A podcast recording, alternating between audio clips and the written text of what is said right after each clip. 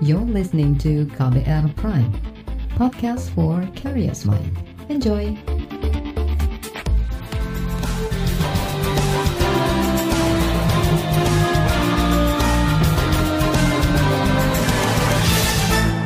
Anda mendengarkan KBR sore hari ini 10 Agustus 2021 yang dipersembahkan oleh kantor Berita Radio saya Reski Mesanto. Halo selamat sore saudara, kembali saya hadir selama kurang lebih 30 menit ke depan dan siap untuk menjadi teman Anda di sore hari ini.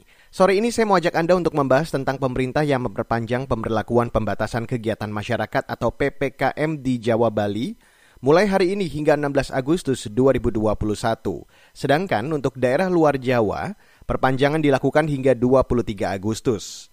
Dalam perpanjangan kali ini, pemerintah melonggarkan sejumlah kegiatan yang semula dilarang atau dibatasi, semisal terkait pembukaan mal. Nantinya, ada empat kota yang akan jadi proyek percontohan pembukaan mal dengan kapasitas 25 persen, yakni di Jakarta, Bandung, Surabaya, dan Semarang. Selain itu, pelonggaran kegiatan keagamaan juga dilakukan di 45 daerah berstatus PPKM level 4, yaitu diperbolehkan dengan kapasitas 25 persen. Sedangkan untuk sektor industri esensial berbasis ekspor, diperbolehkan menerapkan 100 persen bekerja dari kantor atau WFO dengan minimal dua shift kerja. Lalu, tepatkah pelonggaran dilakukan di saat kasus COVID-19 masih tinggi? Kita bahas selengkapnya di KBR Sore hari ini. Saudara, pemerintah menjelaskan rencana persiapan melakukan pelonggaran PPKM level 4 secara terbatas dan bertahap. Koordinator PPKM Jawa Bali sekaligus Menko Kemaritiman dan Investasi Luhut Binsar Panjaitan menjelaskan, Pelonggaran itu termasuk ketentuan kapasitas maksimal yang tidak boleh dilanggar. Terdapat dua roadmap yang memiliki penyesuaian dan diuji cobakan yaitu sektor pembelajaran mall dan industri esensial yang berbasis ekspor atau penunjangnya. Pemerintah akan melakukan uji coba pembukaan secara gradual untuk mall pusat perbelanjaan di wilayah dengan level 4 dengan memperhatikan implementasi protokol kesehatan. Uji coba pembukaan pusat perbelanjaan mall ini akan dilakukan di kota Jakarta, Bandung, Surabaya, Semarang dengan kapasitas 25 persen selama seminggu ke depan nah, dengan protokol kesehatan yang ketat. Hanya mereka yang sudah divaksinasi, saya ulangi, hanya mereka yang sudah divaksinasi dapat masuk ke mall dan harus menggunakan aplikasi peduli lindungi. Anak umur 12 di bawah 12 tahun dan 70 di atas 70 tahun akan dilarang untuk masuk ke dalam mal pusat perbelanjaan sementara ini. Selain itu, untuk industri esensial berbasis ekspor, minggu ini juga sudah disusun semua protokol kesehatan agar minggu lain minggu depan juga ini bisa dioperasikan di kota level 4 dengan 100% staff yang dibagi minimal dalam dua shift. Penyesuaian di level 4 dilakukan juga tempat ibadah di dalam perpanjangan mulai 10 Agustus kabupaten di wilayah level 4 dapat melakukan ibadah dengan kapasitas maksimum 25 persen. Itu tadi Menko Marves Luhut Panjaitan. Sementara itu, Kementerian Kesehatan juga sedang menyusun regulasi terkait pelonggaran di enam sektor aktivitas utama masyarakat. Regulasi yang akan dituangkan dalam wujud peta jalan itu disusun untuk mengantisipasi bila penanganan pandemi COVID-19 membutuhkan waktu lama. Berikut saya hadirkan penjelasan Menteri Kesehatan Budi Gunadi Sadikin. Kami akan segera melakukan pilot project yang mengatur setara digital penerapan dari protokol-protokol kesehatan di enam aktivitas utama. Yang pertama adalah perdagangan, itu bisa perdagangan modern seperti mall, atau department store atau juga perdagangan tradisional seperti pasar basah atau toko-toko kelontong. Yang kedua adalah kantor dan kawasan industri. Yang ketiga adalah transportasi baik darat, laut dan udara. Yang keempat adalah pariwisata, hotel, restoran atau event. Yang kelima keagamaan dan yang keenam pendidikan.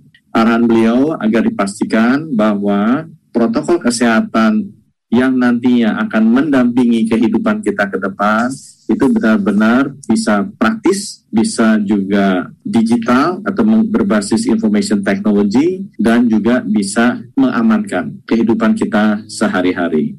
Dan sudah diputuskan oleh Bapak Presiden bahwa nantinya akan menggunakan aplikasi Peduli Lindungi sebagai dasar. Saudara, itu tadi Menteri Kesehatan Budi Gunadi Sadikin.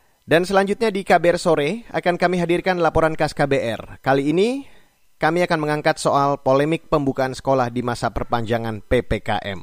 Tetaplah di KBR Sore. You're listening to KBR Pride, podcast for curious mind. Enjoy!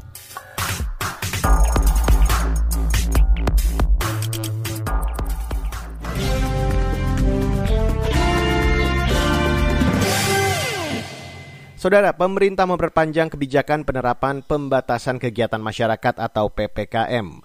Perpanjangan kali ini disertai dengan sejumlah kelonggaran, salah satunya terkait pembelajaran tatap muka terbatas di sekolah.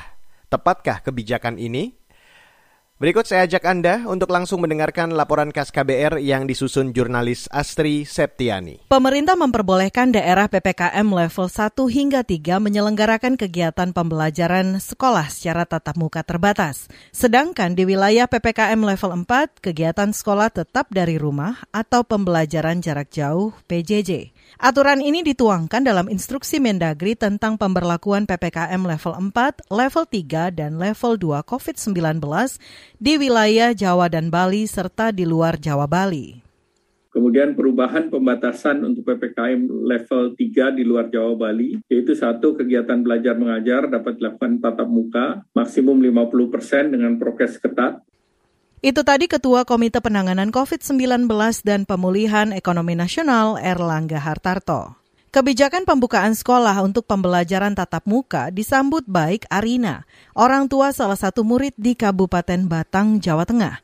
Wilayah ini masuk level 3 PPKM. Arina setuju dengan kebijakan pemerintah yang memperbolehkan pembukaan sekolah untuk pembelajaran tatap muka. Meski begitu, ia mengaku masih khawatir dengan kondisi pandemi. Sebenarnya saya setuju aja. Asalkan dengan tetap mematuhi protokol kesehatan yang sudah ditentukan. Ya tentu sebagai orang tua khawatir. Tapi anak-anak juga butuh belajar. Yang terkadang belajar di rumah aja itu tidak cukup. Terkadang anak kalau dengan orang tua disuruh mengerjakan daring tugas yang dari sekolahan itu kadang anak-anak tuh bernegosiasi dengan orang tuanya sedangkan pekerjaan orang tuanya juga tidak hanya untuk mengajari anak belajar, banyak orang tua yang bekerja. Dengan protokol yang sudah ditentukan, semoga pembelajaran tatap muka berjalan dengan lancar, dengan baik. Arina mengatakan, sebelum ada aturan pembatasan kegiatan masyarakat seperti PPKM, pemerintah di daerahnya sudah melaksanakan pembelajaran tatap muka. Ia juga menyebut fasilitas protokol kesehatan di sekolah anaknya juga sudah memadai. Ia berharap penyelenggara sekolah segera menjadwalkan pembelajaran tatap muka secara aman dengan mematuhi protokol kesehatan.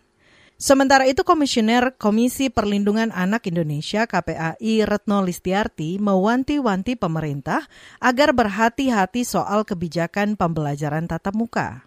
Ia meminta pembukaan sekolah untuk pembelajaran tatap muka tidak ditentukan dari level wilayah, namun bergantung kesiapan sekolah tersebut. Ia menyebut ada tiga syarat utama mesti dipenuhi untuk bisa melakukan pembelajaran tatap muka. Nah, saya sebenarnya nggak ngerti ya soal level-level itu apa yang kemudian menjadi indikator sampai kemudian membuka sekolah. Tapi bahwa kalau kami KPAI pembukaan sekolah itu harus hati-hati. Bahkan WHO kan setelah semua yang lain-lain dibuka baru sekolah bisa dibuka gitu. Jadi kalau menurut kami, kami mendorong bahwa pembukaan sekolah itu harus hati-hati. Nah untuk itu maka ada tiga indikator utama yang harus dipergunakan. Pertama adalah soal kesiapan di sekolah, infrastruktur maupun protokol kesehatan. Yang kedua adalah terkait dengan uh, apa warga sekolah yang sudah divaksin itu 70% minimal. Dan terakhir adalah positivity rate di wilayah itu di bawah 5%. Retno juga meminta daerah bertanggung jawab dan transparan kepada publik terkait angka positivity rate. Tingkat positivity rate berperan penting dalam menentukan aman tidaknya pembukaan sekolah tatap muka. Pemerintah daerah juga harus jujur tuh Mbak dengan positivity rate. Karena kadang-kadang kan tidak jujur ya. Tidak jujur itu kan misalnya antara ya kalau mau positivity rate rendah ya tinggal dikurangi aja apa pengetesan kan. Nah ketika pengetesannya rendah apalagi nggak ada kan otomatis positivity rate dua turun gitu. Nah kami berharap ada kejujuran dari pemerintah daerah terkait positivity rate. Jangan sampai kayak semangka, ya seolah-olah zonanya hijau, padahal luarnya hijau, semangka itu kan dalamnya merah ya. Atau ngakunya kuning, tapi nanti kayak kenari, gitu. Buah kenari kan luarnya kuning, dalamnya merah. Nah, kita berharap jujur. Jadi di dalam hijau ya, di, di luar hijau, dalamnya juga hijau gitu. Demikian laporan khas KBR yang disusun jurnalis Astri Septiani. Saya Aika Renata. Saudara Pemprov DKI Jakarta bersiap memanfaatkan peluang pelonggaran pembukaan mal dan pusat perbelanjaan selama pemberlakuan perpanjangan PPKM level 4. Simak informasi selengkapnya sesaat lagi, tetaplah di KBR sore. You're listening to KBR Pride, podcast for curious mind. Enjoy.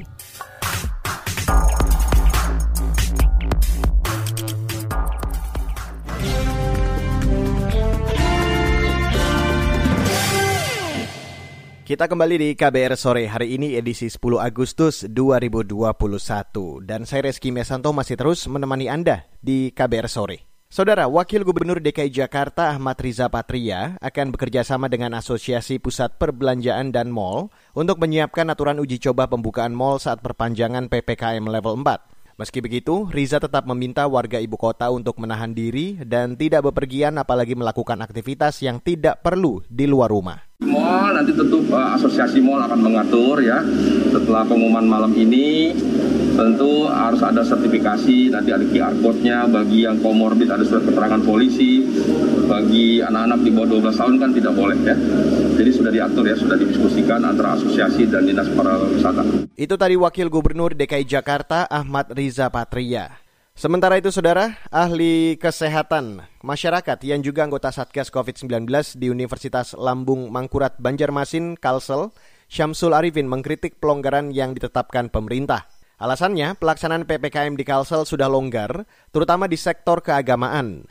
Syamsul menjelaskan penerapan pembatasan di wilayahnya diselaraskan sesuai kearifan lokal. Yang sudah dilakukan selama ini memang betul bahwa tidak semua seperti yang diminta dari pusat itu sesuai dengan acuan itu dilaksanakan di lapangan. Karena hmm. memang ada beberapa kendala terutama untuk Kalimantan Selatan ini yang yang kami lihat di lapangan ya. Yang kami lihat di lapangan itu adalah yang uh, dari tempat ibadah. Uh, karena Kalimantan Selatan ini kan hampir 80 sampai uh, 90 persen kan beragama Islam. Dan itu juga uh, termasuk daerah yang agamis sehingga untuk level itu hanya diberlakukan sampai uh, pengurangan 75 persen, jadi 25 persen masih boleh mereka beraktivitas dengan uh, protokol kesehatan. Hmm. Budaya kita budaya yang agamis, mungkin juga termasuk uh, orang yang disiplin terhadap keagamaan. Nah, jadi itu yang dilakukan pertama itu. Makanya di Kalimantan Selatan itu mungkin istilahnya katanya uh, penerapan PPKM level 4 dengan kearifan lokal. Anggota Satgas COVID-19 di Universitas Lambung Mangkurat Syamsul Arifin mengaku khawatir pelonggaran yang direncanakan pemerintah justru menjadi blunder di masyarakat.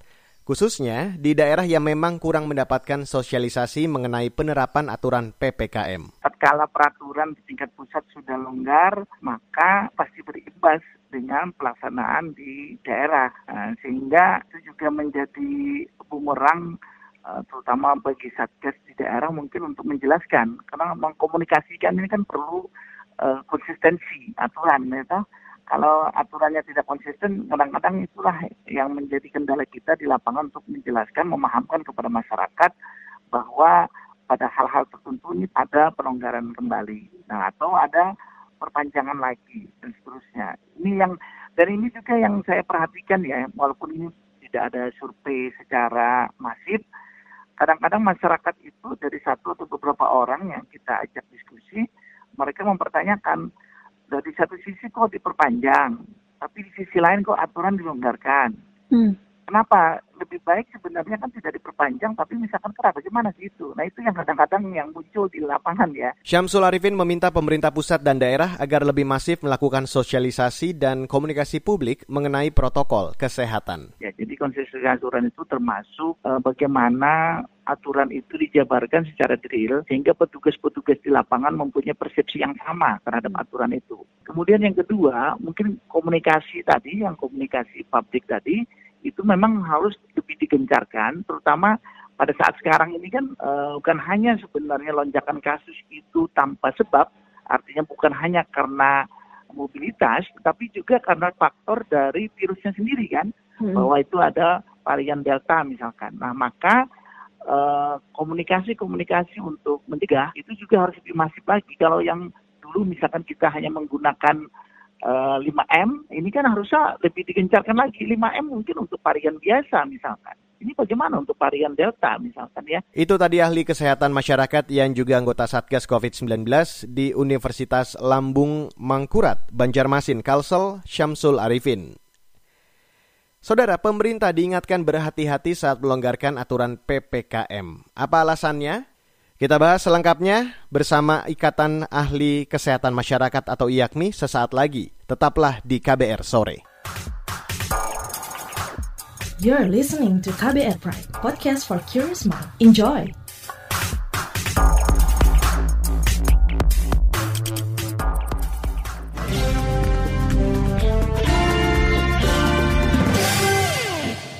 Dan inilah bagian akhir dari KBR sore hari ini. Saudara, rencana pemerintah melakukan uji coba membuka pusat perbelanjaan atau mall selama perpanjangan PPKM level 4 dinilai sangat tidak tepat. Uji coba itu akan dilakukan di empat daerah, Jakarta, Semarang, Surabaya, dan Bandung. Meski vaksinasi menjadi salah satu syarat pengunjung, namun hal itu tetap berisiko terhadap penyebaran COVID-19. Resiko yang sama juga bakal terjadi jika pemerintah bersikeras melaksanakan pembelajaran tatap muka selama perpanjangan PPKM.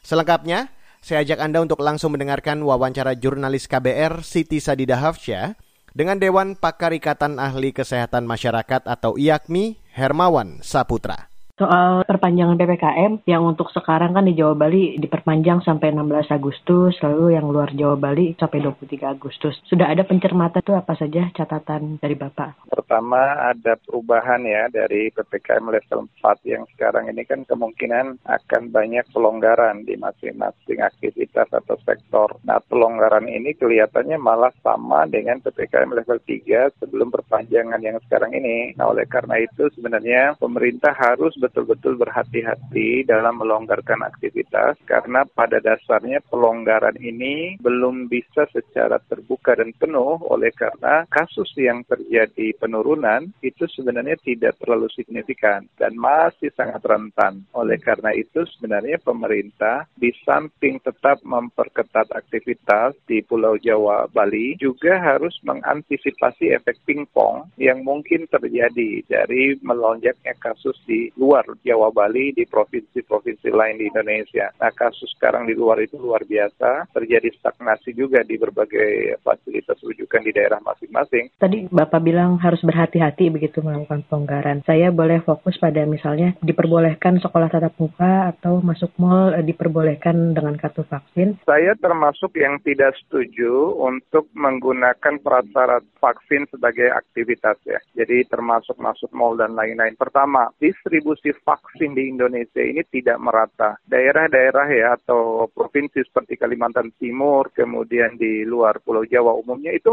protes para gubernur karena tidak tersedia vaksin. Jadi bagaimana mungkin menjadikan prasyarat vaksin kalau vaksin saja tidak tersedia. Nah di DKI sendiri misalnya vaksin itu kan disasar untuk keseluruhan populasi. Jadi kalau misalnya sasarannya seluruh warga DKI divaksin, kenapa harus menjadikan prasyarat vaksin? Yang berikutnya kalau misalnya sertifikat baru dosis pertama terus dijadikan prasyarat vaksin dibolehkan, apa gunanya? Karena vaksin itu dikatakan efektif dan tuntas kalau seseorang sudah disuntik dengan vaksin kedua. Nah, kemudian sekolah tatap muka. Rasa-rasanya terlalu berani ya untuk membuka sekolah tatap muka di saat seluruh daerah di Indonesia belum terkendali kasus, apalagi di luar Pulau Jawa Bali. Kan pemerintah menyebutkan kita harus mulai siap dengan pandemi yang panjang begitu. Perlu ada roadmap juga yang disiapkan. Nah, apakah mungkin pelonggaran ini tuh bagian dari langkah adaptasi kita terhadap pandemi? Saya rasa terlalu dini ya terkait dengan itu ya. Kita seharusnya berbicara roadmap itu kalau kita sudah mengendalikan kasus. Jadi bersiap berdampingan dengan kasus tuh bahwa COVID ini potensi menjadi endemic disease namanya di Indonesia. Seperti halnya tuberkulosis, HIV AIDS, atau malaria. Tapi kenyataannya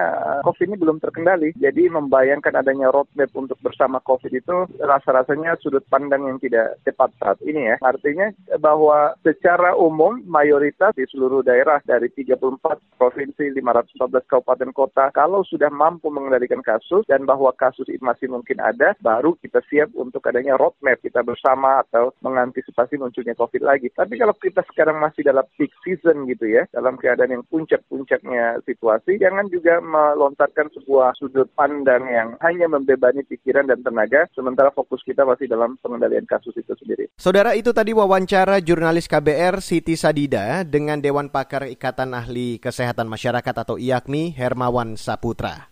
Sementara itu kasus positif COVID-19 di Indonesia masih terus bertambah. Per kemarin, secara kumulasi, jumlah kasus COVID-19 di tanah air sebanyak 3,6 juta orang lebih.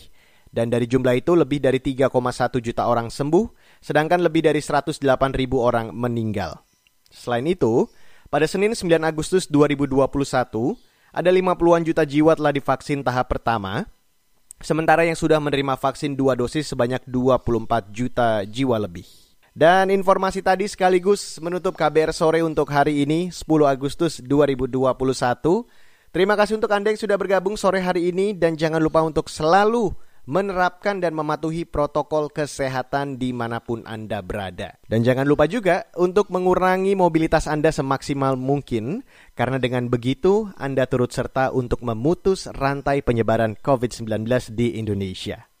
Mewakili tim redaksi yang bertugas sore hari ini, saya Reski Mesanto undur diri dari KBR Sore.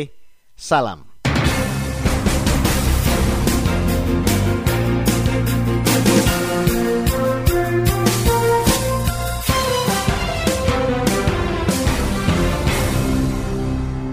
KBR Prime, cara asik mendengar berita. KBR Prime, podcast for curious mind.